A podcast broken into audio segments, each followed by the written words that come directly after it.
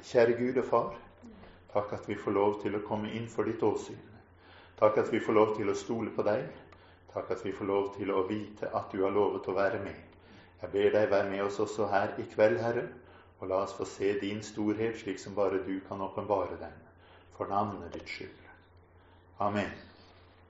Vi skal slå opp i Jakobs brev. Jeg skal eh, lese litt. Og vi kan starte der i Jakobs brev, det første kapittel, og vers 21, og lese derfra og ut kapittel 2. Avlegg derfor all urenhet og enhver rest av ondskap, og ta ydmyk imot ordet som er innplantet i dere, og som er mektig til å frelse dere sjeler. Men vær ordets gjørere, ikke bare dets hørere. Ellers vil dere bedra dere selv. For dersom noen er en ordets hører og ikke dets gjører, da ligner han en mann som ser på sitt naturlige ansikt i et speil. Han så på seg selv og gikk bort og glemte straks hvordan han så ut. Men den som skuer inn i frihetens fullkomne lov og fortsetter med det, slik at han ikke blir en glemsom hører, men gjerningens gjører, han skal være salig i all i sin gjerning. Den som mener at han dyrker Gud og ikke holder sin tunge i tømme, men bedrar sitt eget hjerte, hans gudsdyrkelse er forgjeves. En ren og usmittet gudsdyrkelse hos Gud og Faderen er dette, å se til fader og enker i deres nød og å holde seg uplettet av verden. Mine brødre, dere som tror på vår Herre Jesus Kristus, herlighetens Herre, må ikke samtidig gjøre forskjell på folk. Sett nå at det kommer inn i forsamlingen en mann med gullring på fingeren og i praktfulle klær, og at det også kommer inn en fattig mann i skitne klær. Og så ser dere på ham i de praktfulle klærne og sier til ham, sett deg her på en god plass, men til den fattige, du kan stå der, eller sett deg her ved fotskamlen min. Gjør dere ikke da forskjell blant dere selv? Er dere ikke da blitt dommere med onde tanker? Hør, mine kjære brødre, har ikke Gud utvalgt dem som er fattige i denne verden, til å være rike i troen og arvinger til det rike han har lovt dem som elsker ham?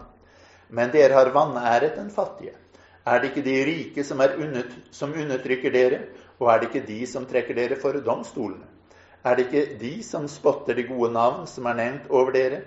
Men dersom dere oppfyller den kongelige lov etter Skriften, du skal elske de neste som deg selv. Da gjør dere vel. Men dersom dere gjør forskjell på folk, da gjør dere synd. Og loven anklager dere som lovbrytere. For den som holder hele loven, men snubler i ett bud, han er blitt skyldig i dem alle. For han som sa, du skal ikke bryte ekteskapet, han sa også, du skal ikke slå i hjel. Dersom du da ikke bryter ekteskapet, men slår i hjel, da har du blitt en lovbryter. Tal slik og handle slik som de som skal dømmes etter frihetens lov. For dommen skal være uten barmhjertighet mot dem som ikke har vist barmhjertighet. Men barmhjertighet roser seg mot dommen. Mine brødre, hva gagner det om noen sier at han har tro når han ikke har gjerninger? Kan vel troen frelse ham? Dersom en bror eller søster ikke har klær og mangler mat for dagen, og en av dere sier til dem, gå bort i fred, varm dere og spis dere mette, men ikke gir dem det legemet trenger, hva gagner da det? Slik er det også med troen. Dersom den ikke har gjerninger, er den død i seg selv. Men en kan si, du har tro, og jeg har gjerninger. Vis meg din tro uten gjerninger, så vil jeg vise deg min tro av mine gjerninger. Du tror at Gud er en, du gjør vel. Også de onde ånder tror det, og skjelver.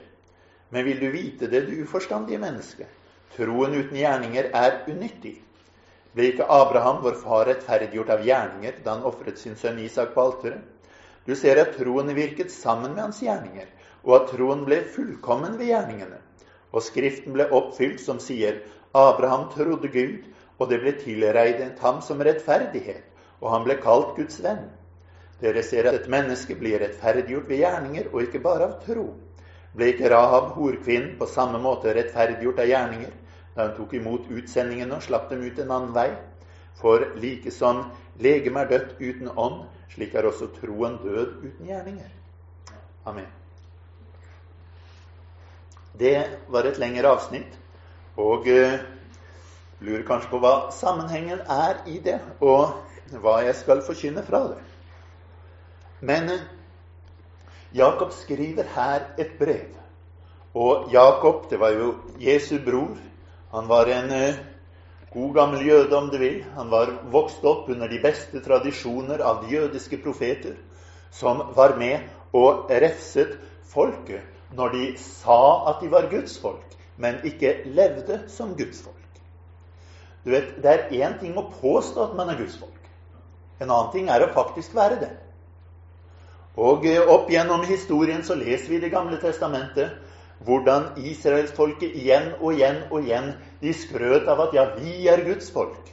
Men de levde ikke som Guds folk. Og profetene kom og refset dem. Slik er det alltid. Det nytter ikke bare å si det, men må leve som det. Er man Guds folk, må man leve som Guds folk. Og Jakob han påpeker dette her for menigheten han skriver til. At hvis man skal være Guds folk, så må man leve som Guds folk. Eller sagt på litt annet vis det er en helhet ved det. Det er ikke noe som bare består i enkelte deler. Hvis du tenker på, som Bibelen ofte sammenligner, vårt forhold til Gud med et ekteskap, så kan du si hva er et ekteskap? Er det vigselsattesten? Det er ikke det. Det er ikke det som er ekteskapet. Ekteskapet består av noe mye mer enn det. Så du kan si at det hjelper ikke om jeg kan vise papirer på at jeg er gift, dersom jeg ikke lever som jeg er gift. Du forventer et annerledes liv av en som er gift, enn av en som er ugift. En mann som er gift, du forventer at han ikke flyr rundt og ser på alle kvinner som er rundt omkring. Vet, for en som er ugift, så er det for så vidt greit. Han skal jo finne seg en hustru. Så sant han forsøker å vinne en i helligelse og ære. Så, så, er det på en måte noe av det han gjør, å forsøke å se på forskjellig. Men den som er gift, han slutter med det. Likeledes en som ikke er gift, han kan bruke alle pengene han får, på det han har lyst til. En som er gift, han har en familie å ta seg av, og kan ikke lenger gjøre det. Hvis han fortsetter å bruke sine penger og sin tid og hva den er, akkurat som han sjøl vil, akkurat som han alltid har gjort, så vil du si til ham at 'husk på, du er gift nå'. Det er ikke bare papiret. Det er noe mer. Det er et liv som forvandles. Og når vi kommer til Herren, så er det ikke bare spørsmål om å få et papir undertegnet. Det er snakk om å få et forvandlet liv. Et liv som er annerledes. Nå sier ikke Jakob at det å være en kristen, det er å følge visse regler og bare ha visse gjerninger. Men eh, som du ser i kapittel 2, vers 22, så sier han du ser at troen virket sammen med hans gjerninger, og at troen ble fullkommen ved gjerningene. Han sier det er et samarbeid. På samme måte som tilbake til ekteskapet. Det er ikke bare å oppføre seg. Man må også ha dette papiret. Det er en avtale man inngår. Det er en juridisk forpliktelse, det er en sosial forpliktelse. Det er noe man har avtalt og inngått en avtale om. Men det er også et forvandlet liv. De to virker sammen. Og slik er det også med vårt forhold til Gud. Det er to ting som virker sammen. Det ene er hva vi tror, hva vi sier. Det andre er hva som skjer i vårt liv. Og han sier det i det siste verset i kapittel 2. Like som legeme er dødt uten ånd, slik er også troen død uten gjerninger. Et legeme som slutter å puste, det er dødt. Når det ikke lenger er livsånde i hans nese, som Bibelen beskriver det, så er man død. Når man slutter å ånde, så er man død. Hva er det som gjør at et menneske blir født? Et menneske blir ikke født fordi det puster. Et menneske puster fordi det er født. Det er ingen som vil si som så at ja, det barnet ble født fordi det begynte å puste. Det er det motsatte som skjer. Det fødes, og derfor puster det. Og det er det samme han sier her. Liksom legemet er dødt uten ånd, slik er troen død uten gjerninger. Han sammenligner troen med legemet. Legemet var først. Legemet eksisterte for ni måneder før de i det hele tatt begynte å puste. Før de i det hele tatt fikk ånde i seg, så hadde det eksistert. Det ble virket på forunderlig vis. Og det samme er det med oss. Vi har en frelse, en tro, som er virket på forunderlig vis. Og den kom først. Men så sier han når man er født, så er det noe som skjer. Og det er at man begynner å puste. Hvis man ikke lenger puster, så er man død. Uten ånde så er legemet dødt. Man sier uten gjerninger så er også troen død. Jeg har egentlig ikke hørt om noen som har tatt livet av seg selv ved å slutte å puste. Det er ikke det han på en måte sier, men det han sier, er at så lenge du lever, så puster du. Det er ingen effektiv måte å skulle ta livet av seg selv ved lukke munnen igjen og la være å puste. Det skjer ikke. Men dersom det har skjedd at man slutter å puste, da er man død. Og det er det som han beskriver her med vårt trosliv. Det er dødt dersom det ikke lenger påvirker hele livet vårt. Det er dødt dersom det ikke skjer noe med livet vårt. Men det, vår tro ble ikke til pga. våre gjerninger. Men vår åndedrett, for å si det sånn, gjerningen er troens åndedrett, som viser at det fortsatt er liv der og som sørger for at dette livet fortsetter. Og hvis vi tar dette bildet Hvis du skal svare helt ærlig nå Hvor alvorlig har du tatt det i dag at du skal puste? Har du tatt det alvorlig? Var det noe du bestemte deg for da du sto opp på morgenen i dag? I dag jeg lover jeg skal puste. Det kan være alle som har gitt det løftet i dag. I dag skal jeg puste. Som har tatt den bestemmelsen. Som gikk inn i verden i dag med den absolutte beslutning. Jeg skal puste. Men vi gjør ikke det. Det bare skjer. Det skjer helt naturlig. Om du sover, så puster du uten å skjenke det en tanke. For det livet er der. Og det er den naturlige følge av livet. Så hvis jeg skal fortelle deg hvordan skal du begynne å leve, så, så kan jeg ikke si ja, begynn å puste, og da begynner du å leve. Du levde før du begynte å puste. Men det å puste er en naturlig del av det å leve. Og jo mer du anstrenger deg, jo mer må du puste. For å si det sånn, jo mer du lever, jo mer puster du. Og slik er det også med troen. Så hvis du ser på det på den måten, så ser du at det Jakob sier, er ikke det som mange har påstått, på en måte at Jakob han er tilhenger av sånn gjerningskristendom. Nei, han påstår ikke at man blir kristen av å gjøre en hel masse gjerninger. Han bare sier som så at ta og se på deg selv og sjekk hvordan du lever. Og dersom du er en kristen, så er ditt liv forvandlet. Dersom du er en kristen, så er det noe som gjør at livet ditt er annerledes. Nå vel, hva så med en person som uh, virkelig har lyst til å leve, men kjenner at pusten er dårlig. Hva skal man gjøre? Du er tungpustet. Hva, hva skal du da gjøre? Vil du si til en sant menneske at ja, nå må du begynne å puste? Nei. Hvis noen har problemer med å puste, så er det noe annet som er galt. Det er ikke at viljen til å puste er blitt borte. Det er ikke at han nekter å puste. Det er at noe har skjedd. Du kan ha fått noe i halsen som har satt seg i luftrøret. Du klarer ikke puste. Du har kanskje fått en sykdom som gjør at det tetter til. Du klarer ikke puste. Du har fått astma, et eller annet som gjør at du hiver etter pusten. Men problemet er ikke altså, Hvis noen får et astmaanfall Du går ikke bort til dem og sier at du skjønner vel det at du må ha luft? Begynn å puste, gutt! Du gjør ikke det. Du er ikke så dum. Men mange er så dum når det gjelder det åndelige livet. Begynn å gjøre gjerninger, gutt, så du får åndsliv.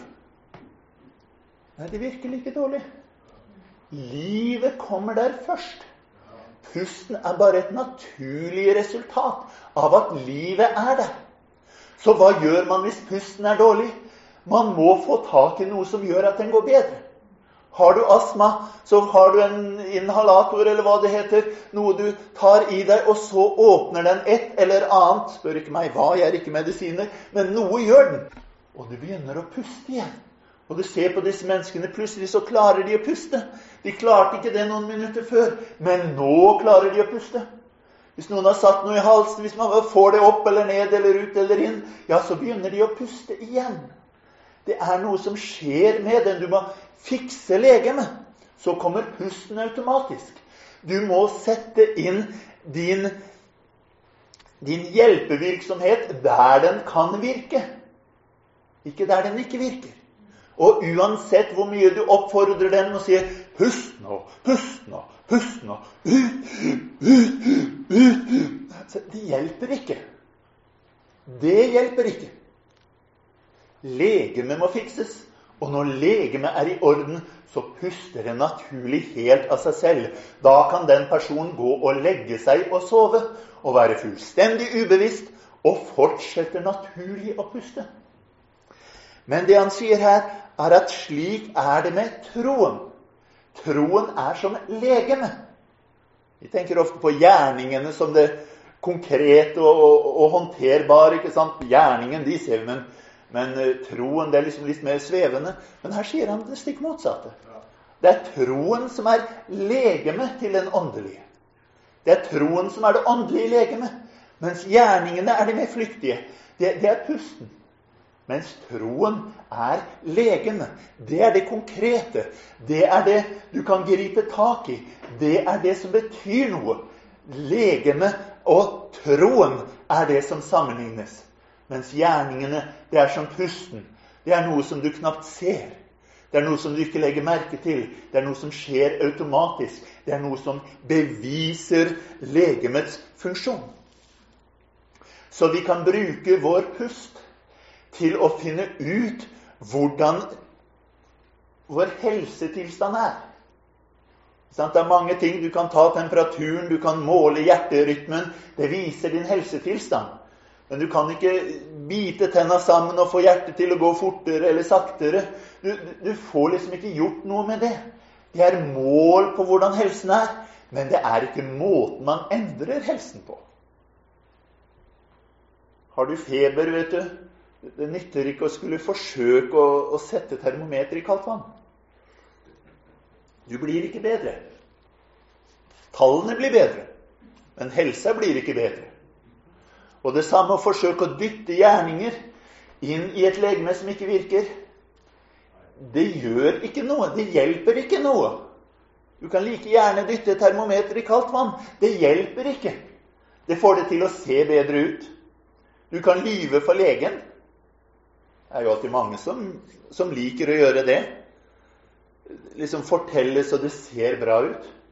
Men det er ikke helse i det. Så her ser vi altså at Jakob forteller dem at hvordan man lever, det viser noe av troen. Det er et tegn på hvordan troen er. Det er noe som også er med på å holde troen i gang. På samme måte som hvis du springer, så må du puste mer og mer. Så sier han at disse gjerningene de holder troen i gang. Noe av det samme som Jesus sa. Den som vil gjøre Guds vilje, han skal få kjenne om læren er av Gud. Så det Jakob altså forteller dem, er at det å være frelst er, å ha et forvandlet liv. Det forvandlede livet er beviset på vår frelse. Det forvandlede livet, det forteller at vi har møtt Gud. Hvorfor kaller dere meg Herre, Herre, og gjør ikke det jeg sier dere? Mange skal komme på din, dag og si at Herre, Herre, Har vi ikke gjort store undergjerninger i ditt navn? Har vi ikke talt profetisk i ditt navn? Har vi ikke helbredet de syke? Men han vil si, gå bort fra meg. Jeg kjenner dere ikke. Jeg kjenner kun de forvandlede menneskene. Jeg kjenner ikke de som gjør store undergjerninger. Jeg kjenner de som har et forvandlet liv. Jeg kjenner de som kjenner i sitt hjerte at etter at jeg ble frelst, så skjer det noe. Nå ser jeg på noe som skittent og syndig som jeg før aksepterte. Og jeg ser på som positivt det som jeg før ikke likte. Nå har jeg en trang etter hellighet. Nå har jeg en avsky for urenhet. Det hadde jeg ikke før. Det er dette som er tegnet på at noe har skjedd i mitt liv. Jeg får andre lyster, jeg får andre ønsker, og jeg, jeg vil gå i en annen retning. Jeg klarer ikke gå i den retningen uten Herrens kraft. Jeg klarer ikke hva skal jeg si, føde meg selv på ny ved å sette i gang og puste. Men når Herren har født meg på ny, så skjer det noe med livet mitt. Men hvordan skal jeg så? For du kan si selv et frelst menneske er ikke fullkommen. Hvis du er uenig, rekk hånden i været. Hvis man har levd en stund, så vet man at den personen man ser når man titter i speilet, er ikke fullkommen. Selv om han er frelst. Men hva skal man så gjøre når Herren sier dere skal være hellige fordi jeg er hellig? Dere skal være fullkomne fordi jeg er fullkommen. Og det er det som Jakob tar for seg her. Han skriver til en samling med mennesker som gjorde forskjell på folk. De så ned på den fattige, de så opp til den rike. Det sier Jakob til dem at det er feil. Det er ikke slik man skal være. Man skal behandle alle likt, og man skal hjelpe de fattige, ikke se ned på dem. Men det jeg tenkte på her i kveld, var ikke å først og fremst snakke om de fattige og de rike, for det er kanskje ikke det som er denne menighetens synd. Det er kanskje ikke det som er din største eh, fristelse. Men det jeg hadde lyst til å si litt om, er hva Jakob foreslår som middel for å gjøre noe med det. For som jeg sier, han forteller at gjerningene våre det er beviset for vår tro. Gjerningene våre er et naturlig resultat fra vår tro. Og dersom de ikke er der, dersom vi er tungpustet, ja, da er det noe galt. Og dersom vi overhodet ikke puster, så er vi døde. Men hvordan skal vi få pusten til å bli normal? Hvis du lider av en åndelig astma som gjør at du er utslitt uansett hva du gjør, og du får ikke gjort noe som helst, hvordan skal du bli frisk? Hva slags medisiner skal vi bruke? Og det er det jeg hadde lyst til å tale litt om. De medisinene som Jakob her foreskriver til den som lider av en åndelig tungpustethet. Og som sagt, det er ikke sikkert du har samme sykdommen som de hadde. Men her kommer han med en generell medisin som vil kunne hjelpe enhver, uansett hva det er som gjør at jeg ikke lever det liv Herren vil jeg skal leve. Og det er tre forskjellige medisiner som han kommer med. Det første er at det Guds ord, det forvandler oss. Det andre han sier, er at Kristi herlighet forvandler oss. Og det tredje han sier, det er at å se på hva Gud sier, som noe Gud sier, det forvandler oss. Og jeg skal ta og se på det i den rekkefølgen. Og la oss først se på begynnelsen fra der vi leste, i kapittel 1, vers 21. Avlegg derfor all urenhet og enhver rest av ondskap, og ta ydmyk imot ordet som er innplantet i dere, og som er mektig til å frelse deres sjeler. Med andre ord, han sier ikke at dersom dere følger ordet, så vil dere frelse dere. Men han sier at dersom dere tar og griper tak i dette ordet, som er blitt forkynt til dere, som er lagt inn i dere, som dere har lest i Bibelen Dersom du tar tak i dette, så vil dette ordet frelse din sjel. Derfor ser du når han sier 'vær ordets gjørere, ikke bare dets hørere', eller vil dere bedra dere selv, i vers 22, så fortsetter han der og gir en sammenligning. og se nøye på den, for jeg har hørt den ofte forkynt feil. Det står ikke slik mange har forkynt det. Men her står det for dersom noen er en ordets hører og ikke dets gjører, da ligner han en mann som ser på sitt naturlige ansikt i et speil. Han så på seg selv og gikk bort og glemte straks hvordan han så ut. Hva er bildet her? Jo, før, altså man, før du skal et sted, så går du inn og ser på deg selv i speilet.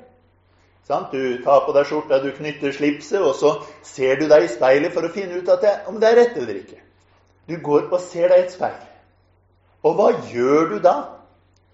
Jo, du endrer deg etter hva du ser der. Er slipsknuten skjev, så tar du og retter på den. Men det gjorde ikke den mannen her. Han så seg i speilet, og så gikk han bort, og så glemte han det. Ja, Åssen var slipsknuten? Nei, det har jeg glemt. Du må vite om den var skeiv til høyre eller venstre hvis du skal gjøre noe med det. Men har du glemt det, får du ikke gjort noe. Ja, åssen var håret? Nei, det har jeg glemt. Husker det ikke. Ja, da, da får du ikke gjort noe med det. Han sier at mannens problem er at han så, og så glemte han, og gikk videre. Og så tenkte han ikke noe mer på det. Det var ute av syne, ute av sinn. Han hadde glemt alt sammen, og derfor fortsatte han nøyaktig som det han var. Og Derfor så sier han i vers 25.: Men den som skuer inn i frihetens fullkomne lov Hva var det bildet var? Jo, det var å se inn i speilet. Men her sier han skue inn i frihetens fullkomne lov. Det er altså speilet som viser hvordan man ser ut og fortsetter med det. Andre ord ikke går ut og glemmer det, men fortsetter å se inn i frihetens fullkomne lov. Slik at han ikke blir en glemsom hører, men gjerningens gjører. Han skal være salig i sin gjerning. Så hvordan skulle han bli salig i sin gjerning?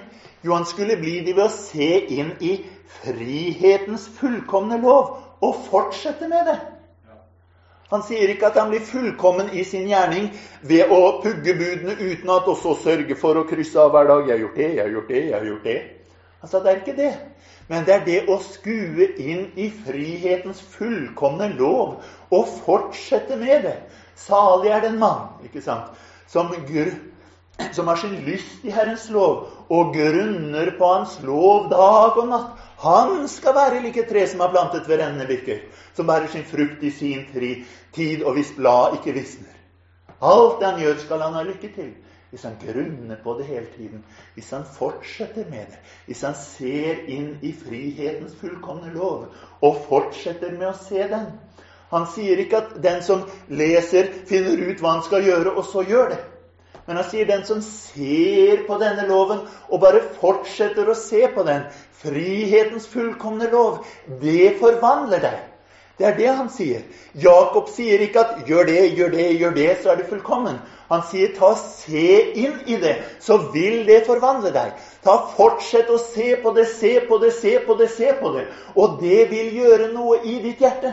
Hvis du går til denne boka her og leser den og ser hva Herren har gjort for deg, og ser hva Herren forteller deg om, så kommer det til å forvandle livet ditt. Ikke hvis du bare leser et kapittel eller to sånn rett før du legger deg når du allerede er så trøtt at du ikke får med deg en ting. Det er ikke det. Men det er når du sier det er noe jeg setter for meg.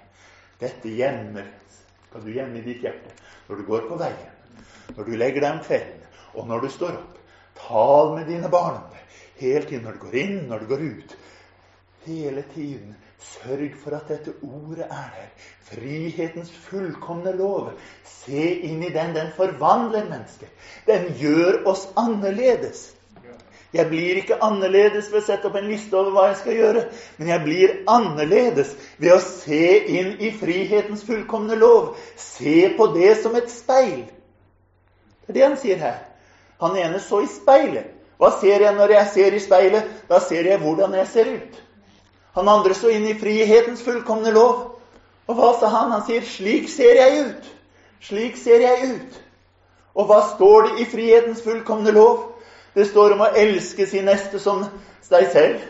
Og den som ser, den sier 'Slik ser jeg ut'. Det sier Herren. Priset være Herren. Dette er sant.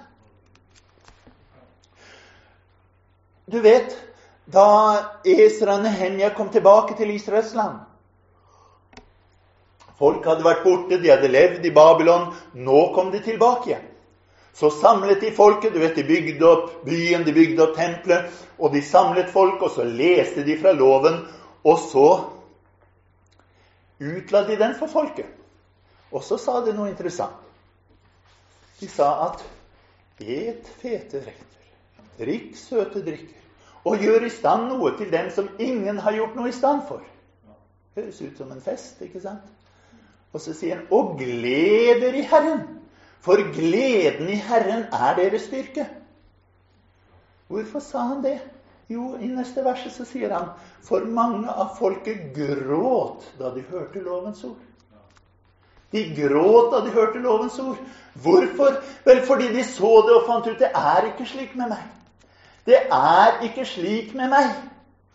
Men hvis alt jeg gjør, er å lese dette ordet Og det tror jeg de fleste av oss har vært med på. Vi har lest dette ordet og sier det er ikke slik med meg som det står her. Her leser jeg 'elsk de neste som deg selv', men det gjør jeg ikke. Her leser jeg 'elsk Herren i Gud av hele ditt hjerte', men, men jeg gjør det ikke. Og man kan sette seg ned og gråte. Men det Nehemia sier at når du leser ordet, ikke sett deg ned og gråt, men gled deg i Herren. Ikke gråt over at du ikke er slik, men gled deg over at det er slik Herren sier du kan være. Gled deg over at det er Herrens beskrivelse av sitt folk. Gled deg over det, for det er Herren som gjør deg til hva du bør bli. Det er Herren som griper tak i oss og forvandler oss. Og hvis jeg ser nok inn i det Han har sagt, så kommer jeg til å bli forvandlet til det samme bildet som av Herrens ånd. Når jeg ser inn i dette, så det første Jakob sier, er sku inn i frihetens fullkomne lov og fortsett, fortsett, fortsett, fortsett med det. Det forvandler deg. Hvis du lurer på hvordan skal jeg få de gjerninger som skal følge med et frelst liv, vel, se inn i frihetens fullkomne lov. Det vil forvandle deg. Det vil gi deg gjerningene. Neste punkt er i kapittel 2, vers 1. Mine brødre, dere som tror på vår Herre Jesus Kristus, herlighetens Herre, må ikke samtidig gjøre forskjell på folk. Med andre ord, han sier, 'Hvem tror du på?' Jo, sier han, vi tror på Jesus Kristus, herlighetens Herre. Iblant så må vi spørre oss selv hvem tror jeg på? Og vårt liv, vår oppførsel, avhenger av vårt syn på Gud. Hvem er Jesus for meg? Det har vært mange som har lest Bergprekenen. De har lest hva Jesus sier. Du skal ikke ha to kjortler, som vi hørte her. Han sier du skal gi bort til den som ingenting har. Du skal dele selv alt du eier. Gi det til de fattige. Og du sier å, tenk så fantastisk. Jesus var virkelig en fantastisk lærer. Ja, De tror ikke at han er Gud, eller noe sånt, men, men han var en god lærer. Men det holder ikke. Det er ikke noe livsforvandlende i å se på Jesus som en god lærer. Så er det enkelte som kanskje sier som så at ja, Jesus han, han døde jo for meg, og han, han, frelste meg. Det er jo så. Så får jeg forsøke å, å leve best mulig etterpå. Kan ikke forlange noe mer da. Men hvilket syn har jeg da på Jesus? Paulus sier at han som ikke sparte sin egen sønn, men ga ham for oss alle. Hvordan skal han kunne gjøre noe annet enn å gi oss alle ting med ham? Hva er Jesus for meg? Hvis Jesus for meg er herlighetens herre, så får det betydning i mitt liv. Når jeg kommer innenfor Herren, når jeg bøyer mine knær for den levende Gud, hvis jeg da skuer inn i Hans herlighet, så får det en betydning for mitt liv. Det er noe som endrer mitt liv. Og han sier til dem at ja, dere gjør forskjell. De sier han er rik, han er fattig. Han er stor, han er liten.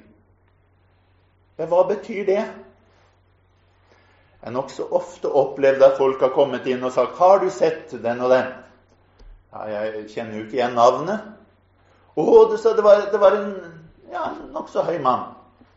Nei, sier jeg. Ingen høye menn har gått forbi meg.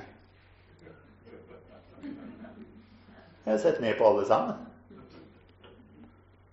Ikke en eneste høy mann har vært der. De innbiller seg at de er høye, fordi de står der og ser opp til dem. Men fra hvor jeg står, så er de ikke høye. Men ifra der Herren står, er det ingen av oss som er høye. Fra der Herren står, så er det ingen av oss som, som er over noen andre. Vi kan krongle om man er noen titusen eller millimeter over eller under. Herren legger ikke merke til det. Fra hans høyde så er det ingen forskjell. Ja, kan du si ja, han er fattig og han er rik. Vel, sier Herren, sølv og gull hører meg til. Jeg eier absolutt alt sammen. Både på jordkloden og på enhver annen planet i universet. Så jeg syns egentlig ikke han er så rik, han der vil Herren si. Og hvis jeg begynner å sammenligne det med Herren, så blir plutselig alle disse forskjellene borte. Med andre ord, han sier at hvis vi begynner å se på Herren, så slutter vi å gjøre disse sammenligninger. Da er det ingen som er rik eller fattig sånn sett, fordi at Herren er så mye rikere enn alt annet. Da er det ingen som er stor eller liten, fordi Herren er så mye større enn alle andre. Da er det ingen som er mektig og som er svak, fordi Herren er så mye mektigere enn alle andre. Da, da forsvinner alt dette. Og vi sier Herren, han er størst. Herren er størst. Når jeg virkelig ser Herren i Hans herlighet, hvordan kan jeg da gjøre forskjell på folk? Når jeg virkelig har sett Herrens herlighet, hvordan kan jeg si at ja, han er noe, han er ikke noe? Sammenlignet med Herren er det ingen av oss som er noe. Men hvis vi får del i Herren, så er vi alle noe helt fantastisk. Uten Herren så har vi ikke vært noe som helst. Men fylt av Herren så formår jeg alltid Ham som gjør meg sterk. Det er noe som gjør at et menneske Du vet, hvis du måler deg markedsverdi, sier at du inneholder så og så mye karbon, så og så mye hydrogen osv. Det, det er ikke mye vi er verdt. Noen av oss. Men i evighetsverdi så er det noe helt annet. Hvis jeg er fylt av Han, hvis jeg er forvandlet til Hans likhet, til likheten med Hans sønns bilde, så er det noe som skjer med oss. Så dette er det som Jakob fremsetter som punkt nummer to. Han sier først Gud inn i frihetens fullkomne lov. Og når du ser hvilke herlige, fantastiske løfter det er, så kommer det til å gjøre noe med livet ditt. Her sier han at begynn å se på Herren. Bli opptatt med Herren. Og se på Han som herlighetens herre. Når vi kommer inn for Herren, er Han herlighetens herre. Eller er vi bare så opptatt vet, Det er mulig sagt, å, å komme inn for kongen med en liste og se på listen og, og, lese opp alt fra listen, og når du går ut igjen, så har du ikke sett den. Du vet nesten ikke om han var der eller ikke. Du bare gikk inn, leste opp fra listen og gikk ut igjen. Men vi kan gå innenfor Herren i våre bønner på samme måten opptatt av å lese opp fra listen min til Herren. Og når jeg er ferdig med å lese listen, så går jeg ut igjen. Og hvis noen spør deg hvordan, var Herren i dine bønner i dag, så må du nesten si at nei, du, det vet jeg ikke. Jeg var ikke opptatt med ham. Jeg bare var opptatt med lista mi. Det var det jeg var opptatt med. Hvordan var Herren på møtet i dag? Nei, det var jeg ikke. Jeg var bare opptatt med å finne ut han derre predikanten. Altså, vi hadde han der kvar ut. Eller se på Herren. Er det Herrens herlighet du har kommet hit for å se? Er du opptatt med Herrens herlighet? Hvis jeg har gitt deg noe i dag som viser deg Herrens herlighet, så glem resten av det jeg sier, og se på Ham. Det vil forvandle det. Om det er et uh, vitnemøte, om det er et bønnemøte, hvis du kommer dit og sier 'Herre, vis meg din herlighet', og er opptatt med å skulle se Herrens herlighet, så kan du gå derfra og ha sett Herrens herlighet. Fordi du hadde øynene åpne, og du fulgte med. Og du tenkte 'Hvor er Herrens herlighet?' Hvis du er opptatt med å se på alle de andre og Ja, han er litt høyere, han er Og du, du der eh, Sett deg ned der, du, for eh, han skal få den gode plassen her. Det er det han sier her. Han som uh, hadde det huset her, han, han så en fattig kar som kom inn, og så så en riking, og så grep han tak i rikingen og tok han bort til stresslesten, mens den fattigkaren han fikk lov til å sitte ved siden av uh, den fotskammen. Han var opptatt med å se på folk. Han var ikke opptatt med å se på Herren. Altså Hvis du i stedet hadde vært opptatt med å se på Herren, så hadde du sett ting på en helt annen måte. Da hadde ting fått en helt annen betydning. Da ville en frelst fattigmann være full av herlighet sammenlignet med en ufrelst riking. Da vil du tenke helt annerledes. Og dessuten, selv om de begge to var frelst eller begge to var ufrelst, så vil du tenke annerledes. Da vil du si som så at ja, Verdiforskjell har de ikke. Men han der mangler jo mat, så jeg må gi han mat. Han der har mat, så han trenger ingenting. Han kan være for seg sjøl. Det er noe som forvandler din holdning. Se på Herrens herlighet. Det er mye som forvandler seg når vi begynner å se på Herrens herlighet. Det er mange ting som ikke er så viktig lenger når vi ser på Herrens herlighet. Du vet, Hvis du i dine bønner går inn for Gud og begynner å be og sier at 'Herre, jeg trenger lønnsforhøyelse. Jeg trenger hjelp med regningene. Jeg skulle gjerne hatt en ektefelle som var litt bedre enn hun jeg har. Ja, forvann meg litt også, da. Greit. Og, og, så ser du Ja, du ser han forstanderen. Herre, gjør noe med han. Og de andre i menigheten Jeg kan gå inn for Herren og bare se på lista. Men jeg kan også gå inn for Herren og se Herrens herlighet. Og se Herrens herlighet. Og hvis jeg er opptatt med å være på kne til jeg ser Hans herlighet Hvordan lærte Jesus oss å be? Fader vår, du som er i himmelen. Helliget vorde ditt navn. Komme ditt rike. Skje din vilje. Jeg har ikke sagt et ord om hva jeg har bruk for. Bare opptatt med å se på Han først. Hvis jeg er opptatt med Han først, til Hans herlighet fyller meg, så kan det være at bønnelista mi blir litt annerledes etterpå. For da spiller det ingen rolle. Det, det, det betyr så lite for meg. Og Jeg har sagt det en del ganger før, men du vet, i, i Filippe-brevet så sier Paulus igjen gang på gang ikke sant? Gled dere i Herren. Alltid. Atter vil jeg si gled dere. Og det er jo så sin sak. Og så sier han igjen sier jeg det til dere. Og det er jo så sin sak. Men så sier han gled dere sammen med meg. Fyren satt i fengsel. Han skriver til de som er på utsiden av fengselet. Og så sier han til de som sitter ute i friheten, at hvis dere ikke har noe å glede dere over, hvis livet deres er trist og fælt, så, så gled dere sammen med meg, i hvert fall, her jeg sitter i fengselet med beina i lenker i kaldt og mørkt og elendig og spiser elendig mat og har ikke sett sola på månedsvis. Gled dere sammen med meg om dere ikke har noe å glede dere over der hvor dere er. Han så Herrens herlighet. Og Herrens herlighet i et fengsel, det gjør at du synes synd på de som er utenfor uten Herrens herlighet. Han sto jo der innenfor kongen og sier at om det mangler mye eller lite, så skulle jeg ønske at du var som meg. Uh, ok, uten disse lenkene. Men, kanskje det. Men, men, jeg har det så mye bedre jeg enn det du har. Kongen så det kanskje ikke sånn, men han hadde sett Herrens herlighet. Hvis vi ser Herrens herlighet, forvandler det livet vårt. Vår hele oppfatning av ting blir annerledes. Vår ferd blir annerledes. Vi skal gå videre. For det neste punktet er det han sier i vers 10 og vers 11. For den som holder hele loven, men snubler i ett bud, han er blitt skyldig i dem alle. Hvorfor det? Det er jo ikke helt logisk, det der, på en måte. Dersom du har kjørt for fort, så er du skyldig i drap. Det er ingen som ville sagt det om norsk lov. Du sier ikke det. Dersom du har nasket, så er du også skyldig i voldtekt. Altså det, det, er liksom, Det er ikke sånn man tenker, men det er slik Jakob sier her. Har du brutt ett, har du brutt dem alle. Hvorfor?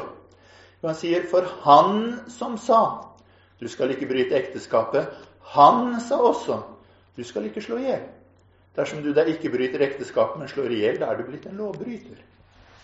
Legg merke til argumentasjonen hans. Han sier 'Han som sa'. Vi tenker på Guds bud. Jakob tenkte på Guds bud. Vi tenker på Guds befalinger. Jakob tenkte på Guds befalinger. For oss er det bud og befalinger. Men for Jakob så var det Guds bud og befalinger.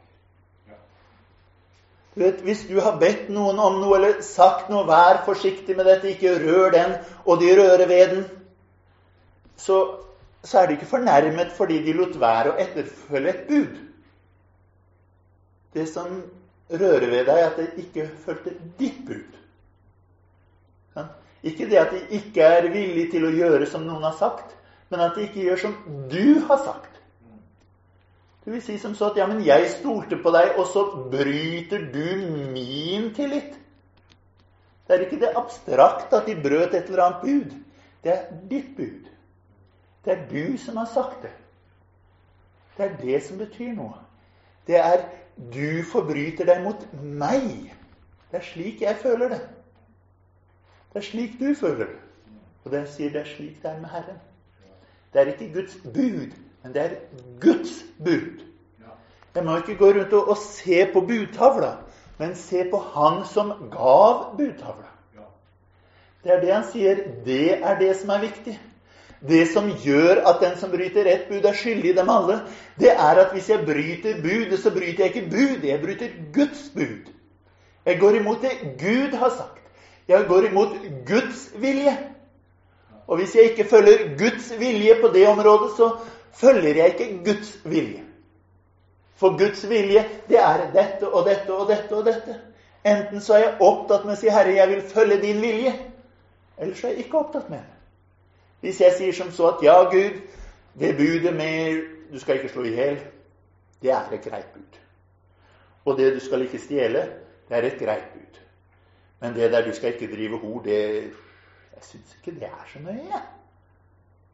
Å hedre din far og din mor Nei, ærlig talt, vi lever i 2013. Hva er det jeg sier da? Jeg sier at jeg er dommer over budene. Jeg er den som skal avgjøre hva som er et godt bud og et dårlig bud. Jeg sier som så at vi har en liste med bud. Det er en uh, rekke forslag ifra Gud. Og nå vil jeg vurdere forslagene og sende ham beskjed tilbake. Men budene er ikke forslag fra Gud. Det er ikke noe som han liksom uh, slengte ut av seg noe bare for å si noe. Du vet, Det hender vi gjør det at hvis man skal ha et møte, så skriver man liksom en rekke forslag, sånn rainstorming. brainstorming. og Så sender man det inn, og så kan du stryke over eller eh, godta. Men når Herren sier noe, så er det noe han har tenkt på, om du vil, fra evighet av. Det var ikke en sånn brainstorming session som han eh, gjennomførte sånn, og, og, og, kom på noen ideer som han slang ut av seg, og så få se hva folk syns om det. Fra evighet av står Herrens ord fast. Han har tenkt igjennom dette ifra evighet av. Det er Herrens evige befalinger.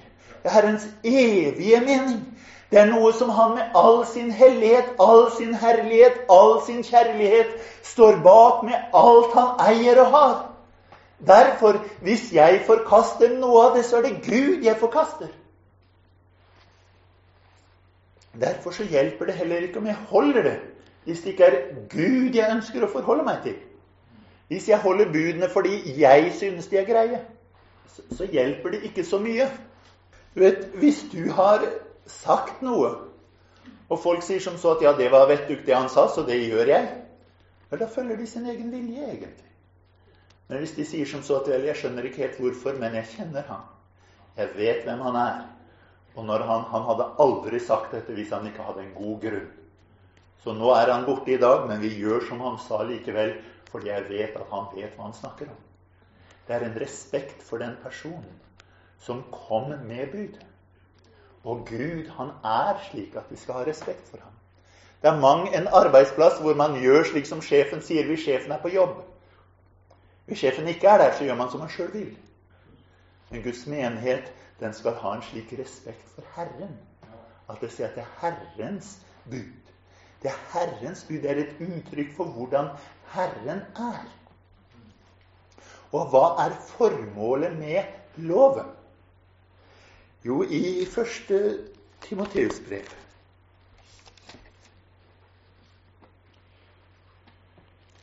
Første Timoteus kapittel 1, vers 5. Så sier han Men budets endemål er kjærlighet av et rent hjerte og en god samvittighet og en oppriktig tro. 1. Timoteus 1, 5. Budets endemål, altså formålet med budet, hva er det? Formålet med budet er ikke at jeg skal følge det, men det er at det skal forvandle meg. Budets endemål er kjærlighet av et rent hjerte. Det er budets mål. Det skal forvandle oss. La oss si at et ektepar kommer til en ekteskapsrådgiver og sier at vi har litt problemer i ekteskapet. Så sier ekteskapsrådgiveren som så at ja, da gjør vi som følger. Du mann, husk på at nå og da så skal du komme hjem med en bukett med blomster og levere til din kone. Og så snur han seg til kona og sier at når mannen din kommer hjem fra jobben, så sørg for at du nå og da lager noe litt ekstra godt i maten. Hvorfor sier han det? Er det fordi målet er at han skal bli gartner og hun skal bli kokk? Det er ikke det som er målet. Målet er kjærlighet. Det er det som er målet. Og han foreslår slike handlinger som er med på å styrke kjærligheten. Gjør disse tingene. De hører med til kjærligheten. Derfor sier han til Efesus du har forlatt din første kjærlighet. Så sier han men nå må gjøre de første gjerninger. Gjør slike gjerninger som hører hjemme når man er nyforelsket. Gjør disse gjerningene som hører hjemme i et godt ekteskap. Formålet med å gi blomster til kone er ikke at du skal bli gartner. Det er at du skal begynne å vise en kjærlighet og så etter hvert skjønne at ja, jeg gjør dette fordi jeg ønsker å vise kjærlighet. Og så kjenner man ja, jeg begynner å elske. Det er målet. Det er målet. Det er ikke et mål å få så mange typer roser hjemme som mulig. Målet er å bygge et forhold. Det er det samme med Herrens bud. Det er ikke et mål i seg selv å holde dem og krysse. Jeg holdt det, jeg holdt det, jeg holdt det. jeg holdt det. Målet er å bli forvandlet med det. Målet er å si at dette er noe som gir uttrykk for den levende Guds vilje. Derfor, uansett hva jeg leser, uansett hva som står i denne boka her, la meg ikke tenke på det som bud, men som Guds bud. Ikke som ord, men som Guds ord. Ikke som noe visdom, men som Guds visdom. Det er Gud som har sagt det. Med andre ord igjen så sier Jakob fest blikket på Gud. Vær opptatt med Gud. Vær ikke opptatt med hva du skal gjøre, men vær opptatt med den Gud som sier du skal gjøre det. Vær ikke opptatt bare med at 'ja, jeg har ikke drevet hor, jeg har ikke stjelet, jeg har ikke slått i hjel', men vær opptatt med å ha denne holdningen. Derfor sier Jesus ikke sant, at dersom du ser etter en kvinne for begjæret, har han drevet ord i sitt hjerte. Den som hater, er en manndraper. Hvorfor? For det formålet med loven er livsforvandling. Ikke at man skal holde budene, men at jeg skal få et forhold til den Gud som gav budene. Derfor er ikke Gud imponert over de som vil gjennomføre lover og bud for at liksom sånn og sånn skal det være. Han er imponert av de som blir forvandlet i sitt liv. Så tilbake til der vi var. Jakob sier som så at beviset på at jeg tror, det er at jeg puster, for å si det sånn. At jeg har de stadige gjerningene, at jeg har det forvandlede livet som følger med det å være et frelst menneske. Det er beviset på at jeg tror. Det er det som gjør meg til et frelst menneske. Men hvis du sitter her og kjenner som så at jeg er litt tungpustet, Jeg har litt problemer med dette. Jeg er ikke fullkomment der som jeg skal være. Hva er det du skal gjøre? Jo, sier Jakob, begynn å se inn i frihetens fullkomne lov, og fortsett med det. Begynn å se inn i Kristi herlighet, og fortsett med det. Og uansett hva du treffer på av ord og bud og hva det måtte være, ta og se på det som noe som er fra Gud. Ta, la tankene dine straks gå til Gud. Hva er det Gud mener? Hvorfor vil Gud at det skal være slik? Og la oss være opptatt med Herren. Det er det som forvandler livet vårt. Ikke ett sted her så sier han som så at begynn å gjøre gjerninger, så blir du en bedre kristen. Men han sier, se inn i Herrens ord, se inn i Herrens herlighet. Vær opptatt med den levende Gud, og det vil forvandle livet ditt. Amen.